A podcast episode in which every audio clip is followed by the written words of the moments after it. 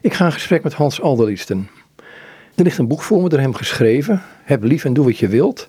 Augustinus was psycholoog. En dan moet ik denken aan een, een andere Augustinus-kenner. Frits van der Meer. Augustinus was zielzorger. Dat zijn dan twee verschillende dingen eigenlijk. Hè? Een psycholoog is nog geen zielzorger. Nou, volgens mij ligt dat heel dicht bij elkaar. Eh, want een psycholoog is niet anders bezig dan met het verbeteren van de mentale toestand van de ziel, van de mens. Van hoe je Moet je er wel van uitgaan dat er een ziel is natuurlijk. Ja, dat is, dat is weer een heel ander vraagstuk. Maar het gaat, het gaat over dat je. eh, dat Augustinus het welzijn van zijn mensen op het oog heeft. En dat hij niets anders wil dan dat de mensen gelukkig zijn. eh, in orde en vrede met elkaar leven, harmonie ervaren in hun leven. En daar is volgens mij zijn praktijk op gericht. Hoe ben jij gepakt door hem? Want, want dit boekje spreekt van. Als ik het lees, dan denk ik, ja, er, is een passie verborgen in het hele boek. Ja, dat, dat is ook een lang verhaal. En ik ben al heel jong door Augustinus gegrepen.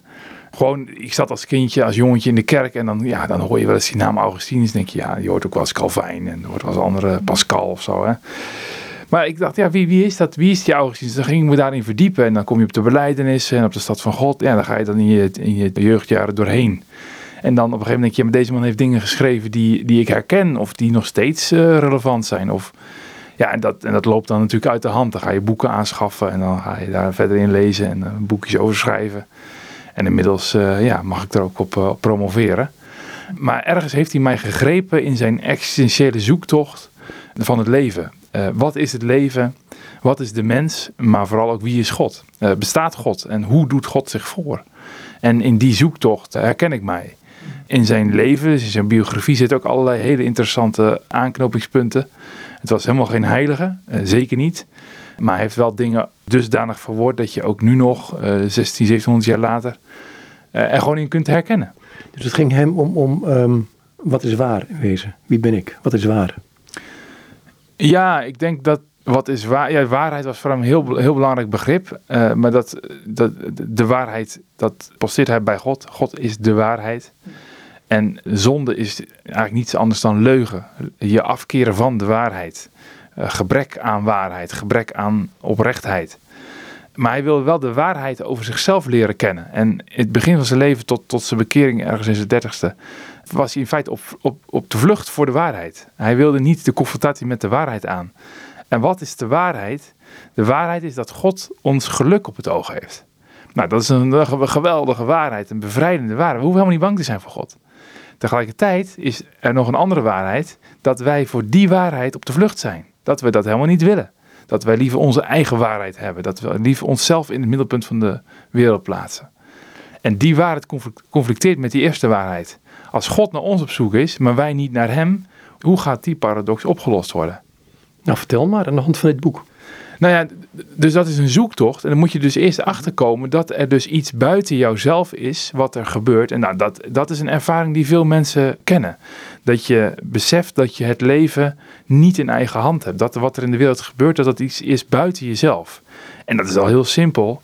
Niemand van ons, niemand van de luisteraars, koos ervoor om geboren te worden. Dus je wordt geboren. Het leven is een geschenk. Dat, dat, dat is al heel belangrijk inzicht. Dus wat je, wat je krijgt, zegt Augustinus ook, wat, dat komt je toe. Dat is, en dat is eigenlijk een, een, een roep. Het is, het is een, een verantwoordelijkheid.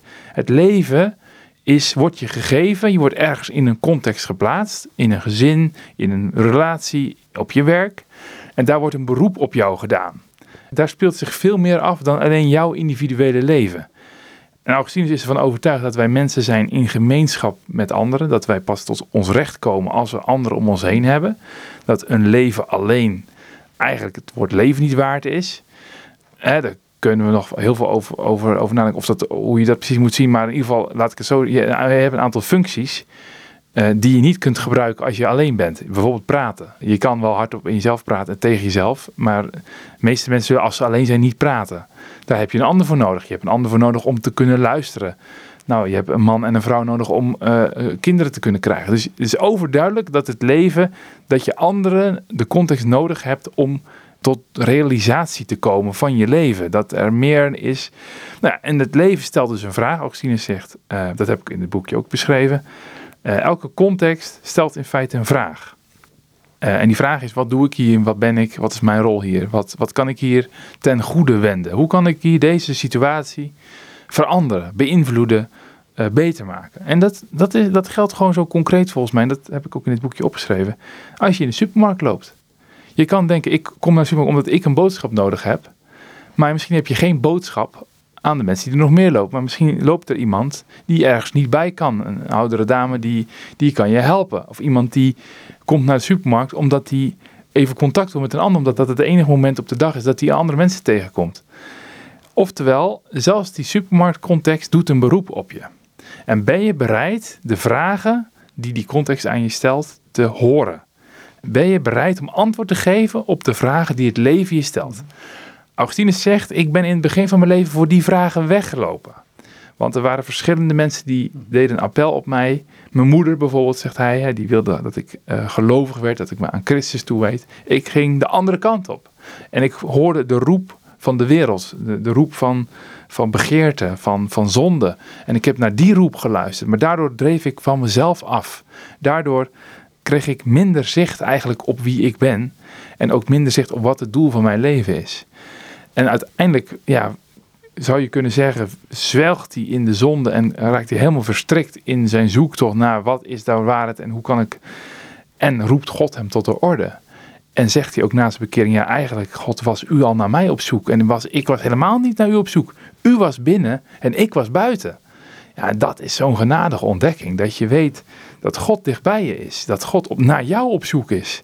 Dat je helemaal niet naar God op zoek hoeft te gaan. Ja, graag wel. Maar dat God je al voor is. God is je een eeuwigheid voor. Nou, dat is, is zo'n bevrijdend inzicht weer. Dat je dan, dat God je op deze wereld heeft geplaatst. Dat je naar zijn roep mag luisteren. Dat hij zijn woord heeft gegeven. Dat hij Christus, uh, het, als het woord vlees is geworden, onder ons heeft gewoond. Ons door en door kent ons zelfs beter kent dan dat wij onszelf kennen. Nou, dat, dat, is, dat, dat geeft mij in ieder geval, maar ook Augustinus, uh, heel veel rust. Dat je aan hem mag toevertrouwen.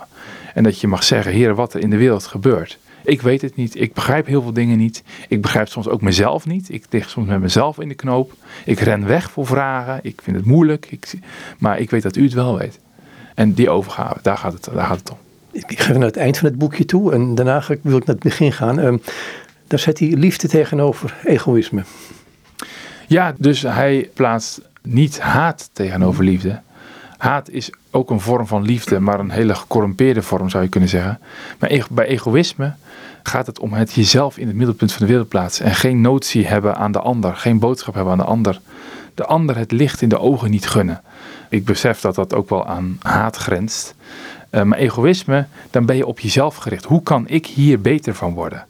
En liefde is op de ander gericht. Liefde is, die denkt niet aan zichzelf. Die denkt, er, zijn, uh, er is iets te verdelen, laat ik het mooiste aan de ander geven. Want als die ander dat ook denkt, dan krijg ik ook het mooiste terug. Dat is dan weer een soort berekening. Uh, die niet uh, gefundeerd is in de liefde, want dan zou het alsnog een economische transactie zijn. Maar het gaat erom dat je op de ander gericht bent, dat je de ander het beste gunt. Maar zoals je zegt, hè, um, het egoïsme, ik noem het bijna een soort ontscheppen. Hè? Alsof je jezelf gemaakt hebt of je jezelf moet vervolmaken. Uh, een creatie van jezelf bent. Uh, wees vooral jezelf. Al die dingen die je zo tegenkomt in deze maatschappij, die zo dwars lijken te staan op. Ja, dus, dus dat is ook een hele vermoeiende, vermoeiende boodschap eigenlijk. Als je iets van het leven moet maken, als je zelf gelukkig moet worden, of jezelf, als je moet je laten zien wie je bent en wat je in huis hebt, en als je dus ook ten koste van anderen je moet laten gelden. Dat, ja, dat lijkt mij heel vermoeiend. Ook weer omdat dat voorbij gaat aan het principe dat we hier geplaatst zijn, dat we hier een plek hebben gekregen, dat we talent hebben gekregen, dat die ander dat ook heeft. En dat we wel ongelijk zijn, maar gelijkwaardig. We hoeven niet allemaal hetzelfde te kunnen. We hoeven ook niet allemaal hetzelfde te vinden. We hoeven niet allemaal hetzelfde te willen. Het gaat erom dat we de ander de plek gunnen, eh, de ongelijke delen, de plek die het toekomt. Dat is ook Augustinus' definitie van een goede samenleving, van een goede organisatie, van een goed gezin. Dat je van een goede kloostergemeenschap, dat, dat, dat je weet wat ieder van nodig heeft en ook weet wat ieder kan en dat dat elkaar aanvult. En dan is de ander de plek niet gunnen, dat is in feite een soort ontkenning van het bestaan van de ander. Ook de miskenning van de creativiteit van een ander en van het vermogen om opnieuw te beginnen. De kans om ja, om liefde een plek te geven in het leven. Maar het gaat ook ten koste van jezelf in wezen. En dat doe ik ook een beetje op ehm, het, maakbare. Het feit dat ik het, de wereld naar mijn idee wil maken. Of mijn uh, gender niet accepteer. Ik noem er een paar gekke dwarsstaten. Het gaat niet om het werkelijke probleem. Maar het gemak waarmee die dingen geponeerd worden soms. Ook aan jongeren. Ja, dus, dus in feite als je dus uh, over, als je mee gaat doen in die red race van het leven, in de prestatiemaatschappij, in de Instagram, uh, donut cultuur, het moet allemaal maar leuk uitzien, de gezelligheid, de leukigheid van het leven, zoals Dirk de Wachter ook noemde. Um, ja, uiteindelijk blijf je leeg achter. Het is als een suikerspin. je neemt een hapje, maar het verdampt waar je bij staat en zelfs het zoete is, is, is maar heel kortstondig. En je blijft leeg achter. En je hebt een, een, een heel imperium kun je opbouwen, een heel groot bedrijf. Je kan veel kinderen op de wereld zetten, je kan reizen. Maar als je uiteindelijk de balans van het leven opmaakt, kan je dan zeggen dat je een beter of een goed mens bent? Dat, dat was natuurlijk ook een van de vragen waar Augustinus mee worstelde. He, dat, he, in, in zijn tijd had hij onder andere met de Manicheërs te maken. En die geloofde dat je zelf het kwaad moet overwinnen. Dat, dat, dat wij aan zet zijn om deze wereld te verbeteren. En dat, dat je door een beter mens te worden, door, door je moraal toch wat op te vijzelen, door goed je best te doen. Nou, dan zou, dan zou toch wel die kwade God uiteindelijk overwonnen kunnen worden. Ja, ik zou zo iemand willen vragen aan het eind van het leven: hey, is het je gelukt? Is het gelukt om het kwaad te overwinnen? Ben je je slechte gewoontes ben je die kwijtgeraakt? Ben je ben je nu, eh, als je, als je de klok 80 jaar terugdraait, ben je dan nu beter? Zijn we nu, is, de, is de wereld beter geworden? Als je antwoord is nee. Maar hier disqualificeer je elke oorlog mee. Ja, dus overigens had Augustinus wel het concept de rechtvaardige oorlog. Dat is interessant. Uh, ook in deze tijd waarin oorlog weer een heel actueel thema is. In, uh, uh, nou, in delen van de wereld waar oorlog is. Ja, waar het idee eigenlijk een beetje in het Westen dat we te beschaafd waren voor oorlog. Maar het blijkt toch niet helemaal zo te zijn. Nee, we, hebben ook gezegd nooit meer oorlog. Maar volgens mij zijn er nu op ons continent ook oorlog, oorlogen. Maar Augustinus zegt ook, de wijze dat is een Grieks-Platoons concept. Maar de wijze is soms genoodzaakt om oorlogen te voeren. En waarom is hij dat? Omdat de ongerechtigheid van de tegenpartij zo groot is dat hij wel in moet grijpen. Dus in specifieke omstandigheden is een oorlog gerechtvaardigd. Is het gebruik van geweld gerechtvaardigd. Maar ik haast me er gelijk bij om dat te zeggen. In die oorlog mag je weer niet alles doen. Je mag niet zomaar alles overhoop schieten, om, om het even zo te zeggen. Je hebt je daarin wel weer aan humaniteit te houden en aan, nou ja, aan andere regels. Eigenlijk een soort pleidooi voor de Genetische Conventie, hè, de afspraken over oorlogsvoering. En uh, ik weet niet of, die nog allemaal, of dat allemaal nog functioneert in een oorlog en of een hedendaagse soldaat bedenkt van, oh, dit mag wel en dit mag niet. Maar laat ik het zo zeggen, Augustinus is geen voorstander van oorlog. Maar er zijn soms situaties waarin de ongerechtigheid zo groot is dat er ingegrepen moet worden. Maar binnen die oorlog moet je wel weer uh, goed handelen. Ik wil dit thema laten liggen, want het komt in het boekje nu naar voren toe. Hè? Um, maar ik wil wel gaan naar het begin, um, om gewoon hem het woord te laten. Misschien kun je het lezen van veel te laat heb ik u lief gekregen. gaan we terug naar Augustinus, naar het begin van zijn, nou leven niet, maar wel... Um, daarin zegt hij een aantal dingen die je in wezen al gezegd hebt, maar sorry voor jou, iets mooier. Ja, dat is dus prachtig hè, wat hij in de Confessionen schrijft. Veel te laat soms wordt ook gezegd te laat, maar veel te laat heb ik u lief gekregen, o schoonheid.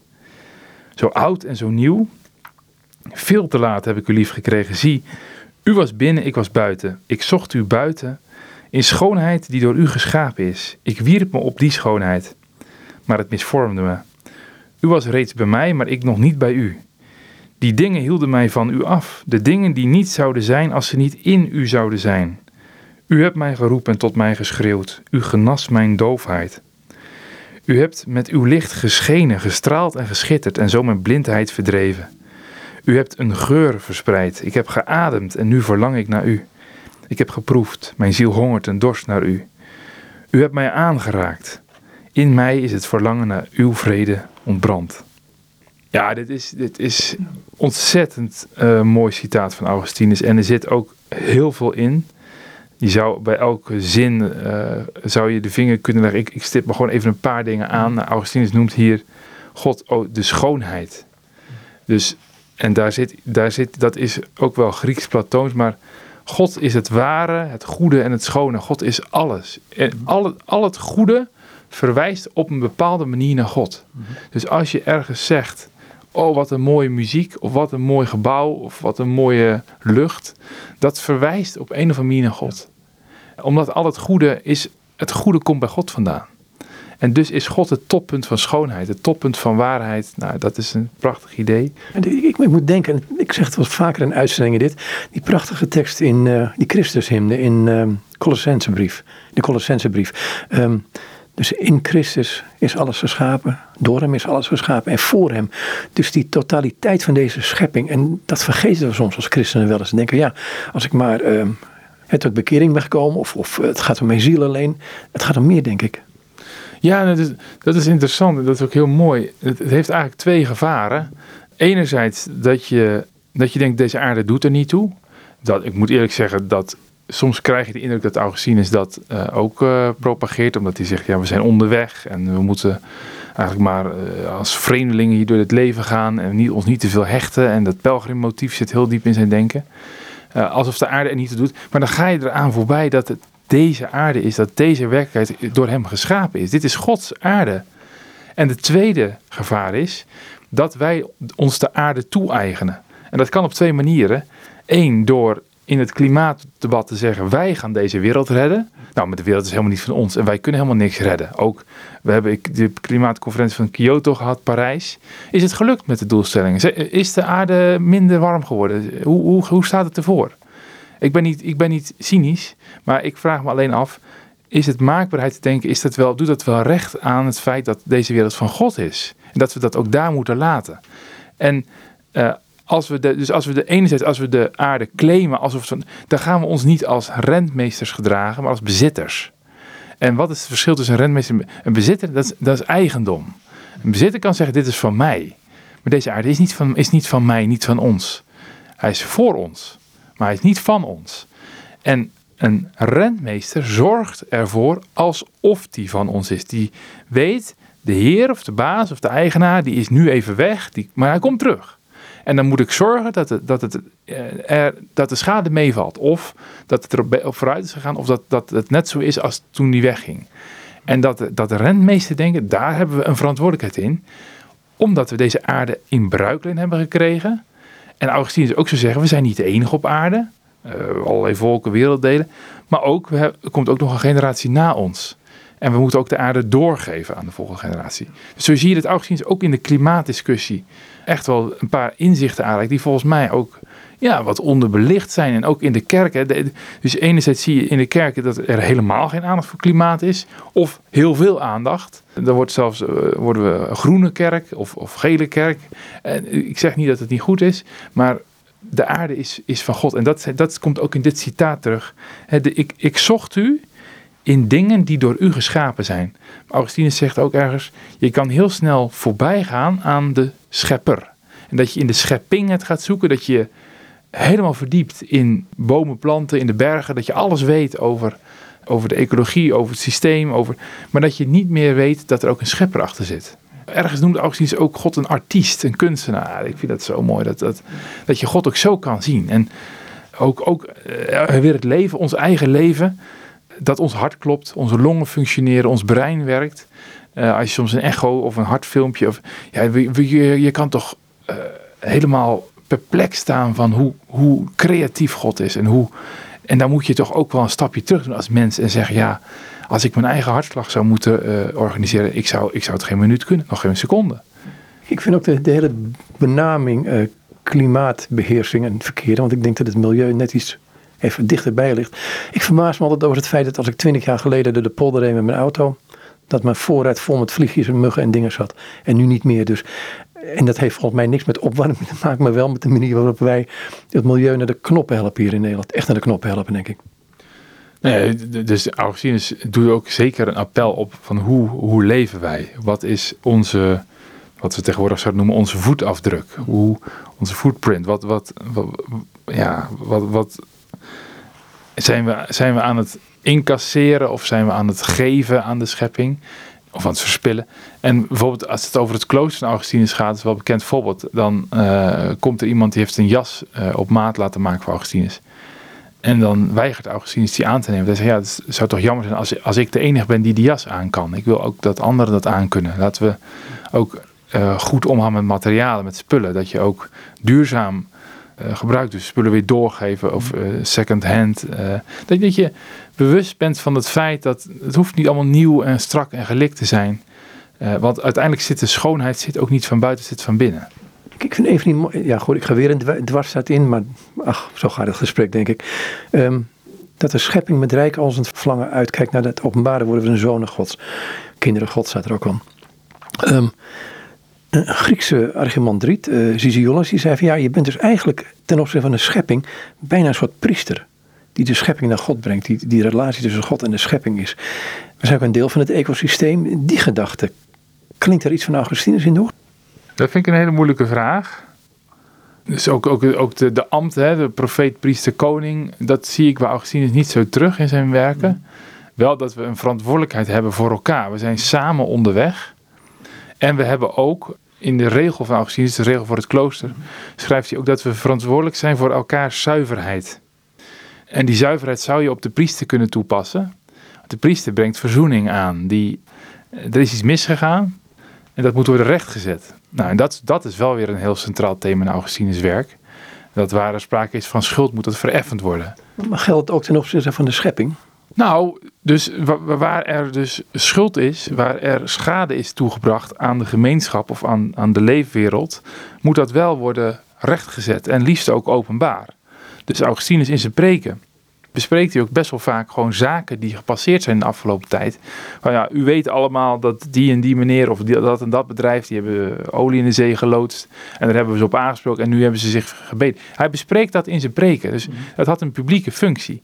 En dat is iets wat Calvijn later ook heeft uh, in Genève invoerde, de publieke biecht. Ook dat, of, of de schuldbeleiders in de gemeente, dat daar in, in, in het Genève van Calvijn ook op zondag de zonde aan de orde kwamen, uh, publiekelijk. Dus dat, en, dat, en daar zie je natuurlijk iets van de, de, de verlichting die een impact heeft gehad op de, op de christenheid in, in ons land. Dat het heel individueel is geworden. Dus wij, zijn, wij staan zelf ten opzichte van God en wij hebben schuld en we bidden tot God om vergeving. Maar we vragen niet meer aan elkaar om vergeving. En we beleiden wel schuld in het algemeen, als, als kerk richting Israël of als kerk of als, als, christenheid richting de wereld. Maar op individueel niveau en de tucht en zo, dat, nou, dat, is, dat blijft toch wat achterwege. Terwijl je ziet bij, bij Augustinus dat, dat punt van recht zetten. En als er schade is toegebracht aan de schepping, aan de dieren, aan... Uh, wij moeten beseffen dat we op de ene hoogste treden van de schepping staan. En dat we een hele hoge verantwoordelijkheid dragen voor de dieren, voor de bomen, voor de vissen, voor de vogels. En dat we met, met al die ideeën die ik net zei, dat we zijn onderweg en dit is niet ons thuis. En het wordt geen paradijs hier en we er komt een nieuwe wereld en uh, dit is Gods schepping. Dus die, dat moet je, maar dat ontslaat ons niet van ons, onze verantwoordelijkheid. Je bent een deel van het ecosysteem, zeg ik dan altijd maar. Ja, we zijn een deel van het geheel en dat zijn we met elkaar. Dus, en de som van de delen is meer dan, het, uh, dan, dan de afzonderlijke delen. Dus dat is eigenlijk net ook iets over. Als je uh, met z'n twee bent, kan je opeens praten. En dat kan alleen niet. Dus, dus als er iets ehm, Augustinus is heel erg een man van de gemeenschap. Van elk, met elkaar eten, elkaar ontmoeten, elkaar treffen. En dat is ook, kijk, dit boekje gaat over Augustinus psycholoog. Je ziet natuurlijk dat in de psychologie of in de jeugdzorg of in andere domeinen problemen heel individueel worden aangevlogen. Op casusniveau, er is wel meer aandacht ontstaat voor de context, maar het wordt versmalt tot het individu. Jij hebt een probleem en dat ga jij oplossen met een beetje hulp en uh, jij gaat assertiever worden en jij gaat je anders verhouden tot anderen. Ja, maar er is een hele context omheen. Er speelt de hele factoren. Ik gebruik vaak een voorbeeldje daarbij van... is een militair uh, in, in, Irak, die heeft zich misdragen... Uh, en die hoort bij een legereenheid uit, uit, uit Australië. En ga je, dan, ga je dan kijken naar wat heeft die individuele militair uh, fout gedaan? Hoe kan, hoe kan een militair tot zo'n gedrag komen? Of ga je kijken, hey, welke cultuur is er eigenlijk in die legereenheid? Oh, dus Australische legereenheid. Oh, in Australische legereenheid mogen ze wel uh, alcohol drinken en in de Nederlandse legereenheid niet. Of ga je kijken naar de plek waar ze zijn Irak. En om, onder welke omstandigheden deze militairen moeten, moeten opereren. Wat ik bedoel te zeggen is, wat is het niveau waarop je kijkt? waarop je gedrag probeert te verklaren en waarop je naar de problemen en ook oplossingsrichtingen probeert te formuleren. En dan is het dus belangrijk dat je beseft, ah, met Augustinus de achterhoofd, ik heb een een defect. Ik heb een probleem, ik heb een tekort, uh, ik heb een burn-out of ik heb, uh, ik heb uh, mentale uitdaging, ik heb angst of stoornis of andere issues. Maar ik sta daarin niet in mijn eentje. En ik ben onderdeel van een groter geheel. Ik hoor bij een familie, ik hoor bij een kerkgemeenschap, ik hoor bij een buurt. ook al ziet die buurt mij misschien niet als, als, als onderdeel van hun, ik hoor er wel bij, ik ben er wel bij. En dat, is, dat vind ik zo krachtig dat Augustinus dat pleidooi voor die, voor die gemeenschap doet. En dat is volgens mij iets, ook als je kijkt naar onze samenleving, uh, zorgzame gemeenschap, we moeten weer terug naar nieuwe vormen van communities. Waarin we om elkaar geven, waarin we oog hebben voor elkaar, jong en oud, intergenerationeel. Waarin we beseffen dat we er niet alleen voor staan. En dus zou ik ook mijn pleidooi, eh, mijn pleidooi ik, heb natuurlijk geen boekje geschreven voor wat, wat een handboek is voor psychologen, maar het zou mooi zijn als psychologen, maar ook pastores en, en, en mensen die zich bezighouden met, met mentale kwetsbaarheid, dat die ook meer naar de context gaan kijken. En meer, eh, en dat gebeurt op heel veel plekken al, maar met Augustinus is het achterhoofd dat, ja, dat, samen, samen onderweg zijn. En wat ook nog een heel belangrijk aspect is van Augustinus, dat heb ik nog niet eens aangestipt, is dat we zijn allemaal kwetsbaar. We zijn allemaal onderdeel van die kwetsbare schepping, van die zondige schepping, van die verloren schepping. Dus ik heb helemaal geen reden om me boven jou te verheffen. Ik kan zeggen, uh, nou, in mijn werk ben ik ook bijvoorbeeld bezig met mensen met dementie. Oh, jij, hebt dementie, dus jij, uh, jij onthoudt de dingen niet zo goed meer. Ja, maar ik heb ook weer, ik heb mijn andere dingen. Dus er is geen enkele reden om ons boven elkaar te verheffen.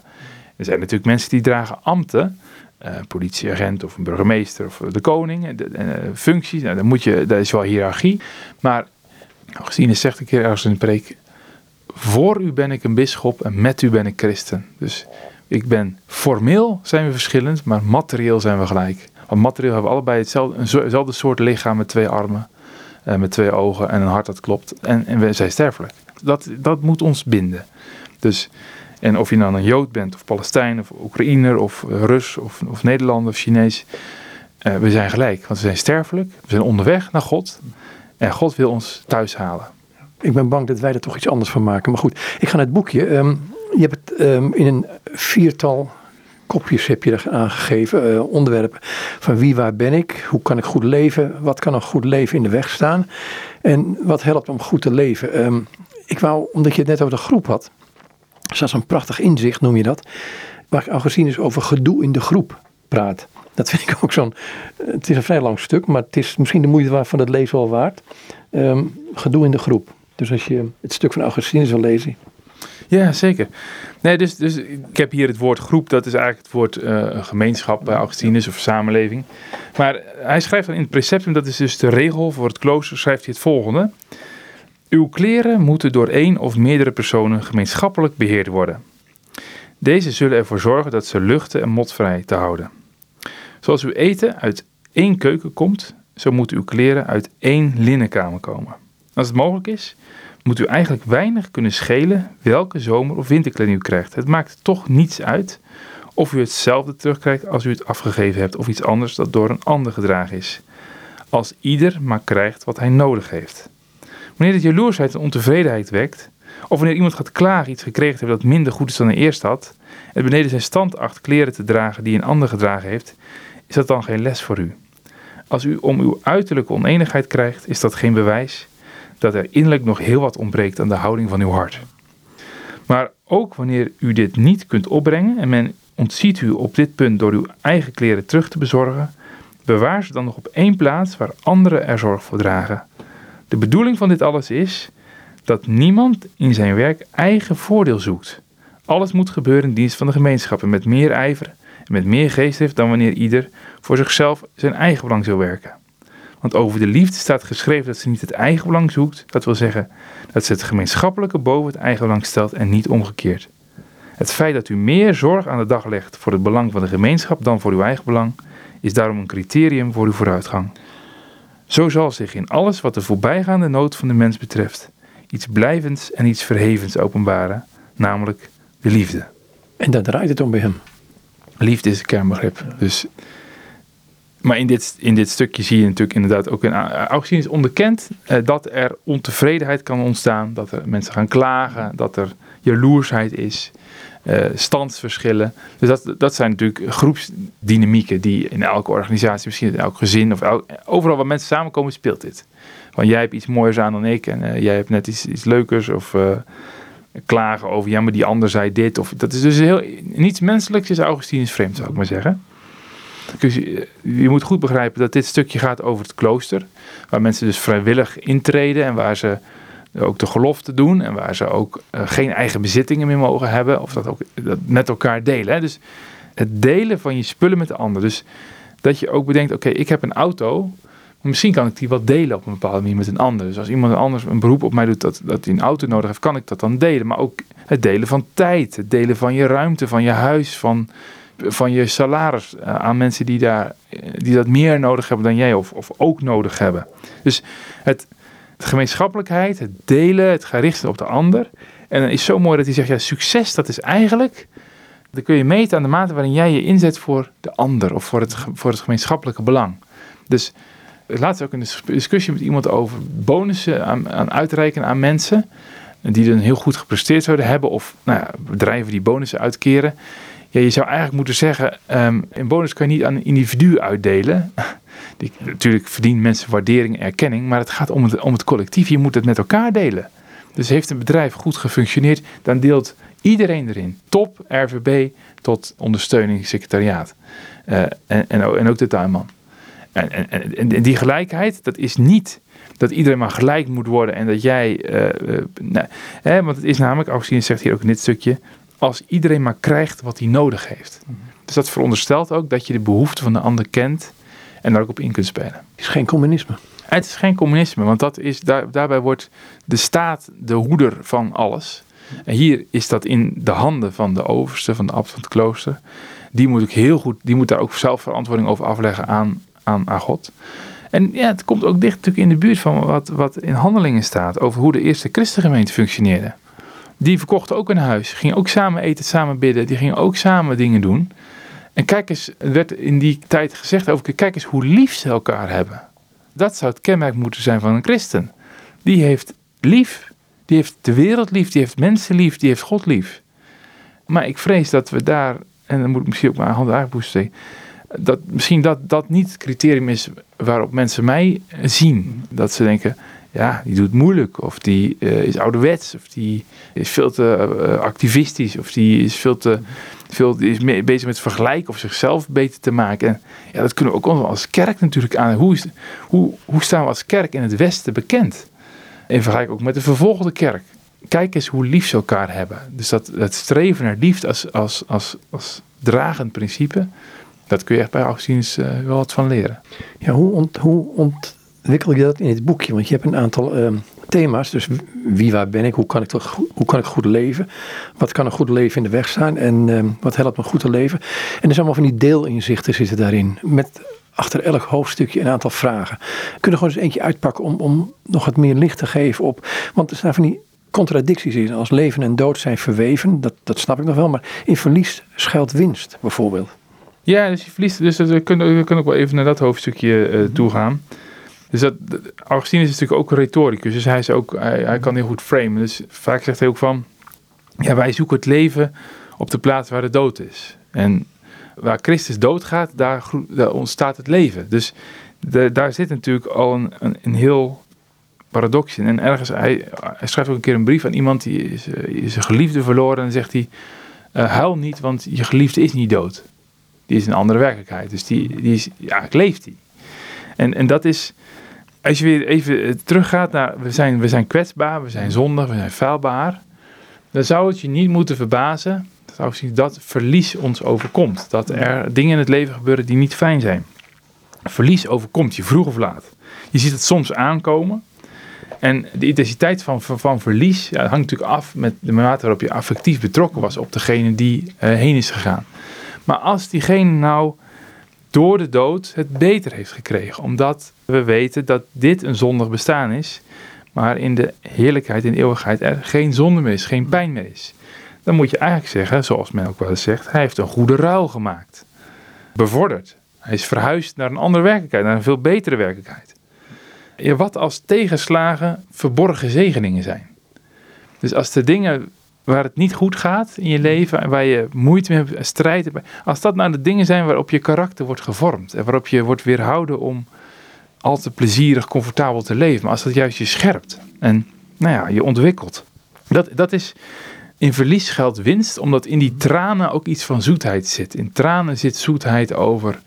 Er eigenlijk schuilt de liefde in. Je gunt niemand verlies, je gunt niemand uh, dood en ellende.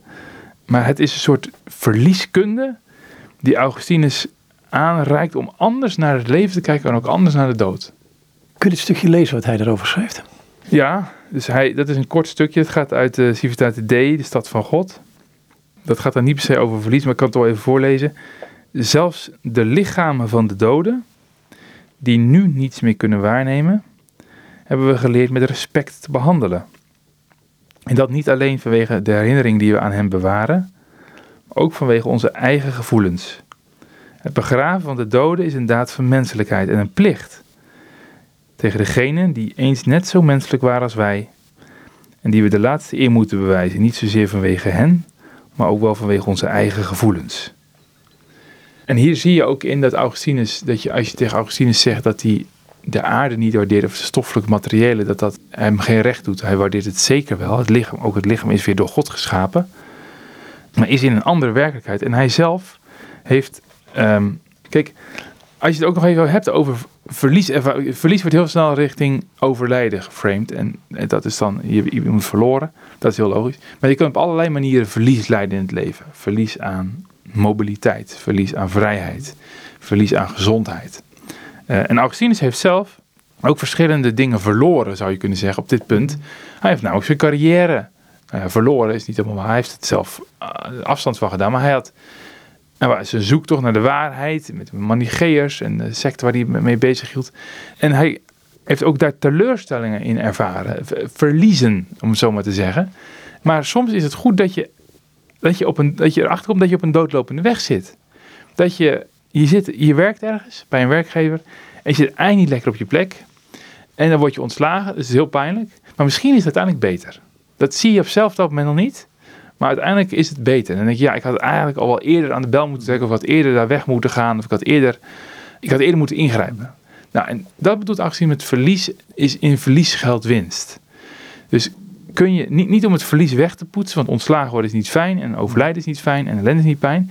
Maar kun je er nou, heb je er nou ook nog iets van geleerd? Volgens mij is dat ook een van de vragen. Die, elk boekje, elk hoofdstuk heeft een, heeft wat vragen. Dan vraag ik ook van, nou, welke verlieservaring heb jij meegemaakt? Dus, en ook de vraag erbij, heeft je dat misschien iets gebracht? Mhm. Dus denk eens na over, over je leven. Ja, wat, wat voor soorten verlies heb ik nu of in het verleden gehad? En wat heeft me dat opgeleverd? Heb ik er ook iets van geleerd? Heb ik, ben ik daardoor een, een, een rijke mens geworden? Of, of, of, misschien heb ik ook juist daardoor hele kwalijke effecten. Ik ben door de verzuurd geraakt of, of niet meer vrolijk. Dat kan ook. Eh, maar, maar wat, heb, wat heeft het me gebracht? En dan is ook een van de volgende, ja, hoe kun je dan daar ook op voorbereiden? Als je weet dat de dood komt, als je weet dat er verlieservaringen in je leven gaan komen, hoe kun je daarop voorbereiden? Nou ja, dit boekje. Augustinus is niet de man van, van, van antwoorden. Ik uh, hoop ook niet. Ik stel ook vragen in de hoop dat mensen erover na gaan denken. Nou, ik denk dat dat, ik heb dat ook hoor, dat, je kunt beter honderd vragen stellen en één antwoord geven, want het antwoord kun je een woord tegenwoord hebben, maar terwijl met vragen dan moet je over nadenken. Maar die volgende het volgende stukje, wat helpt om goed te leven.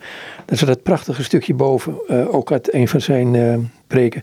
Erken de arts, zieken genezen nooit zichzelf. Um, en, en dan kom je eigenlijk weer terug bij het begin van, hij was binnen, ik was buiten. Dus uh, dat verlangen wat ik erin proef naar die aanwezigheid van een geneesheer, die er is, en toch soms moeilijk nou, te pakken is, is niet het goede woord, maar goed, moeilijk te ervaren is. Ja, ik denk, ik denk dat veel mensen, en als je zelf naar je leven kijkt, ik hoop dat je dan dat je wel weet op welke punten er dingen niet goed gaan, of dingen niet goed zijn, of waarop, waarop je tussen haakjes ziek bent. Ja, ik, ik, ik, maar het begin hadden we het even over Dostoevsky, tenminste voor het interview. In de gebroeders Karamazov, daar zegt, ik dacht de vader um, tegen zo'n starets van hoe moet ik goed leven, hoe moet ik... Uh, en dan zegt die starets alleen maar, ja dat weet je allemaal wel, hè, wat je nu zegt. Maar ligt niet meer tegen jezelf. Dus die eerlijkheid. Ja, eerlijkheid, het erkennen van die kwetsbaarheid en vuilbaarheid. En dat je weet van op welke domeinen van het leven ben ik niet goed bezig. Augustinus is er ook van overtuigd Dat je dat zelf weet. En dat je er ook, dus hij keert ook, eh, heel vaak doet het appel, keer tot jezelf in. Dat is ook Grieks wel, maar leg jezelf op de pijnbank. Stel jezelf vragen, wees, wees je eigen rechter. Eh, dat zegt hij ook tegen rechters. Voordat je een verdachte veroordeelt, moet je eerst jezelf veroordelen. Want wat die verdachte heeft gedaan, zou jij ook gedaan kunnen hebben. Het leeft als goed ook in je eigen hart. Besef dat. Maar keer dat jezelf in. En dat was een, een linkje naar waar we het net over hadden. Augustine zegt ergens heel mooi: voer oorlog met jezelf. Dat, dat veronderstelt dat je dus een vijand in jezelf hebt zitten. Iemand, en, en, en, zegt Paulus daar ook niet iets over. Het goede dat ik wil doen, doe ik niet. Het kwade dat ik niet wil, dat doe ik. Er is een, wij zijn hele dubbele wezens. Wij hebben, we weten ergens wel wat, wat het goede is, waar we ons naar uit moeten strekken. Maar we, we, doen het kwade. We zijn niet gedoemd tot het kwade. Want Augustine zegt erg van de, vrije wil is ten aanzien van het kwaad nog steeds gebleven. We kiezen nog steeds voor het kwade. Dus een soort, had een soort keuze aan vooraf. Maar God wil ons nou helpen op het spoor brengen om het goede te doen. Om dankzij Hem in Christus goed te leven. Maar dan moet je wel erkennen dat je dat dus zelf niet kan. En dat is dus dat punt van die arts en die zieke. En ja, en sommige mensen zijn zorgmeider. Die erkennen niet dat ze ziek zijn. Dat is vaak niet zo verstandig. En die gaan te laat naar de dokter. En zegt de dokter, ja, u had toch echt eerder moeten komen. Ja, precies. Nou, maar die arts moet soms ook medicamenten aanwenden of behandelingen die pijn doen. Die ingewikkeld zijn, die eh, ook eh, neveneffecten hebben, die ook, soms word je van de behandeling nog zieker dan van de ziekte. En dat is eigenlijk een beeld voor ook weer hoe God ons scherpt, hoe, de, hoe, hoe hij de zonde opruimt uit ons leven, hoe hij ons karakter vormt. Dat soms met hele pijnlijke ingrepen, die verborgen of die tegenslagen waar ik het net over had, dat dat ingrepen zijn van Christus geneesheer om ons uiteindelijk beter te maken. Je hebt het steeds over de zonde, wat bedoel je daarmee? Zonde is een tekort bij Augustinus. Een tekort aan het goede, een gebrek aan het goede. Het, het je afkeren van het goede, van wie God is. Augustinus heeft de privatio boni leer, dat is dat kwaad de afwezigheid van het goede is. Dat kwaad op zich niet bestaat, maar dat het een soort negatief is. Het is iets niet. Dus als je het even met licht en dan licht, dat is dag, dan schijnt de zon, dan is er licht. Als het licht niet schijnt, is er duisternis. Maar de duisternis zelf bestaat niet. Dat is de afwezigheid van licht. Je kan niet ergens zeggen van hier is, hier is de duisternis. Het is iets niet. En het is een soort bijeffect. Een ander voorbeeld is roest. Je hebt een stuk ijzer en dat gaat op een gegeven moment roesten. Dus het roest heeft ijzer nodig om roest te kunnen zijn. Maar roest zelf, er is nergens iets, dat, dat is, roest is niet een zelfstandig proces. Mm Voor zover ik, ik ben niet zo goed thuis in dat soort processen, maar het, het gaat over dat... Je kunt mij alles wijsmaken op dit gebied. dit was niet mijn sterkste kant. Nee, nee dus natuurlijk chemie was ook niet mijn... Maar roest, roest bestaat niet. En Augustinus trekt deze uh, redenering heel ver door. Dan zegt hij ook, God, het goede ware schone, heerlijkheid, geluk, hemel. Het tegenovergestelde is de hel.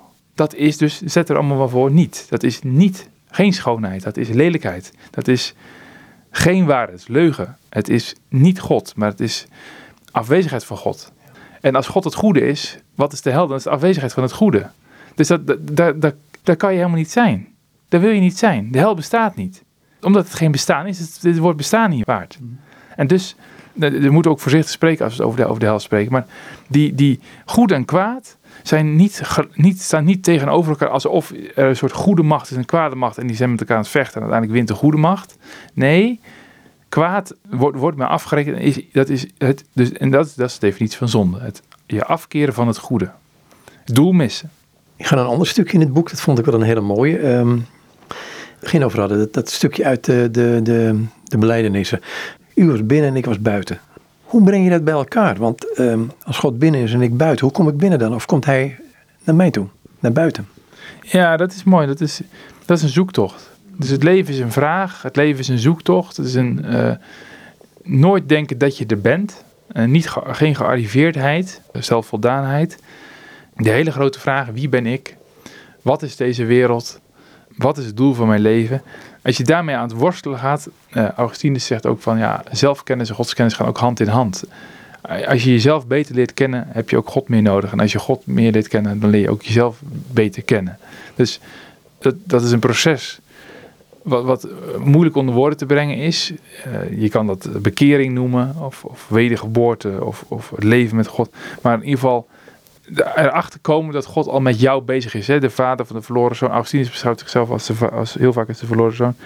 Die staat al op de uitkijk nog voordat de jongen dat beseft. Dus die vader is hem al aan het, aan het aan, die is al met hem bezig, maar die jongen nog niet, met die vader. Uiteindelijk komt die jongen terug. Dat is, dat is, een, is een proces, dat is een interactie tussen die vader en die zoon. Daar moeten we ook maar een beetje van afblijven hoe dat precies zit. Kijk, Augustinus zegt wel, we hebben wel de genade van God van buitenaf nodig, omdat we uit onszelf niet zouden komen.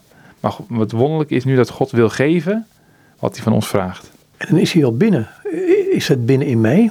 Ja, God is, ja, dus God is in mij inderdaad. Dat, en dat is de intieme Deus. Het is heel moeilijk, heel moeilijk omdat, maar God is, zoals in Psalm 139 staat, met al mijn wegen bekend.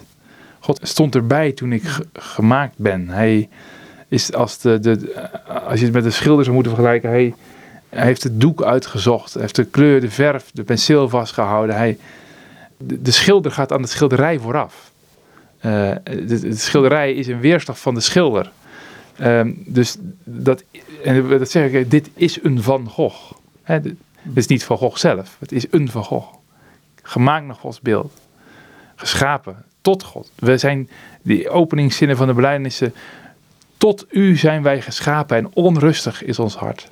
Omdat wij van onszelf zijn afgekeerd, totdat we rust vinden in u. Totdat we beleiden dat, we, dat, het, dat, dat het schilderij, waar wij vaak de achterkant van zien, God ziet de voorkant, eh, dat dat van u is. Dat, dat, dat wij van u zijn. Hoe omarm ik die gedachte? Want het kan ook alleen maar op het ervaringsgebied blijven hangen natuurlijk. En wie ben ik dan? Nou, Augustine is natuurlijk een heel emotioneel man, een heel gelovig man. Uh, uiteindelijk is het geloof ook iets wat... Natuurlijk speelt het geloof zich ook af op, op het niveau van de reden. En Augustinus is ook uh, intellectueel en cognitief uh, zeer sterk bezig. Maar het, het is uiteindelijk ook een ervaring. Het is een ervaring. Het is, het is een keuze van het hart en gevoel. Het is een, een overgave. Het is een sprong, zoals Kierkegaard dat noemt. En hoe ervaar, ja, soms moet je in je leven dingen meemaken om daarachter te komen. En soms word je stilgezet uh, door, door iets heel simpels, door een kinderstem. Augustinus kwam door een kinderstem werd hij stilgezet. Dat hij dacht, ja, hier, ik, ja nu, nu moet ik toch mijn leven gaan beteren. Nu moet ik toch dingen anders gaan doen. Ja, het kan ook heel geleidelijk gaan. Mensen die uh, vanaf hun uh, kind zijn, in de kerk zitten of in de gemeente en ja, in het geloof groeien. Ja, dat kan heel, dat kan heel geleidelijk zijn. Ik denk wel altijd dat er, Augustinus is wel een man die met twee woorden spreekt. Mm -hmm. Dus even ja, licht en donker, zonde en genade, tijd en eeuwigheid, die twee woorden altijd gebruiken. En dat, je, dat je wel ergens, ergens, je moet wel ergens erkennen dat dit niet het paradijs is. Dus dat er hier, dat er onvolkomenheid is, dat, er, dat dit niet helemaal de bedoeling is, dat we hier te maken hebben met onoplosbare problemen, waar we echt iets voor van buitenaf nodig hebben om daar mee in het reinen te komen. Of we moeten ervoor wegrennen, of we moeten uh, ons zo uh, zelfverzekerd opzetten dat we het zelf wel kunnen verbeteren. En daar vroeg ik me eerder van af, ook met mijn afzien, is dat nou eigenlijk gelukt? En wordt, is de wereld nou beter dan 2000 jaar geleden, 4000 jaar geleden? Dat was echt Augustinus erover, want die is op een gegeven moment uh, rond zijn dertigste tot bekering gekomen, als ik het zo mag noemen. En hij schrijft, wat, wat kan een goed leven de weg staan? Dan heb je dus twee inzichten. Eén, je bent meer dan je ervaring. En twee, omarmen en omzeilen van je herinneringen. Want dat is natuurlijk een van de dingen die, ja, we kunnen ons fantastisch voor de gek houden. En ik denk Augustinus ook. Ja, je moet ook, ook altijd wel beseffen dat Augustinus ook niet het, uh, het achterste van zijn tong laat zien. Sommige dingen laat hij ook weg. Hij heeft ook een relatie gehad met een uh, vrouw en die heeft hij op een gegeven moment weggestuurd en daar komt hij ook nooit meer op terug. Dat is toch merkwaardig, want hij had ook een zoon met haar. en zijn zoon overlijdt, komt hij ook niet meer op terug. Dus er zijn, elk mens heeft zijn, heeft zijn geheim. Hè? Dus dat, dat, en ook ze, elk mens heeft zijn verleden. Wij, wij, dragen ons verleden in ons mee. Maar meer nog dan ons verleden is er ook Gods verleden, als ik het zo mag zeggen, of Gods tijd. En God, wij dragen het verleden met ons mee, maar ook de toekomst. Die gaan we tegemoet. En uh, als we, als Augustinus te veel achterom was bleven kijken, had hij nooit die betekenis voor de kerk en voor de samenleving kunnen hebben als die die heeft gehad. Want hij heeft ja, ook van zijn onstuimige jeugd, zo heeft hij ook veel spijt gehad en heeft hij ook uitgebreid beschreven. Maar hij heeft dat op een bepaalde manier kunnen omzetten en dat ook kunnen inzetten om, om daar ja, ook anderen mee te dienen. En zijn beleidenissen, daar beschrijft hij heel openhartig over. Ik ben er ook echt van overtuigd dat hij dat opgeschreven heeft om juist ook om niet zich te verheffen boven anderen. En om te laten zien, kijk, ja, ik heb zo slecht geleefd en toch heeft God mij ook uitgekozen. En toch heeft God mij ook weer binnengehaald. En, en, de, en de onderliggende boodschap is, dus dan kan het voor jou ook. En heeft hij de neiging te zeggen van, eh, dus let niet op je verleden, maar kijk naar de toekomst. Ja, het is een heel mooi citaat ook aan hem toegeschreven. Uh, geen, geen zondaar zonder, geen heilige zonder verleden en geen zondaar zonder toekomst. Dus Augustinus de zondaar, maar de heilige ook, met de toekomst. En dus we mogen mensen niet aanspreken op hun verleden. Kijk, mensen aanspreken op hun verleden of op hun toekomst, dat doet ook weer geen recht aan de schepping, want je bent mens. Nu ben je mens. En wij zijn de tijden. We hebben nu een roeping, we hebben nu, wordt nu vragen aan ons gesteld. Er wordt ons nu niet gevraagd om in het verleden te leven. Er wordt ook niet gevraagd om in de toekomst te leven. Augustinus zegt ook in zijn preek 80, de toekomst bestaat helemaal niet, want die is, die is er nog niet. We weten helemaal niet, we weten niet van morgen nog leven. En het verleden bestaat ook niet, het is al voorbij. Je kan zeggen, ja, toen, toen woonde ik in die, die, dat dorp, of toen had ik, uh, had ik mijn vrouw nog, of had ik nog. Uh, ja, dat is nu niet aan de orde, dat is niet actueel. Maar herinneringen kunnen heel actueel zijn in het brein. Laat, dat helder zijn. Daar schrijft hij ook over. Als je over het brein heeft en over geheugen en herinnering.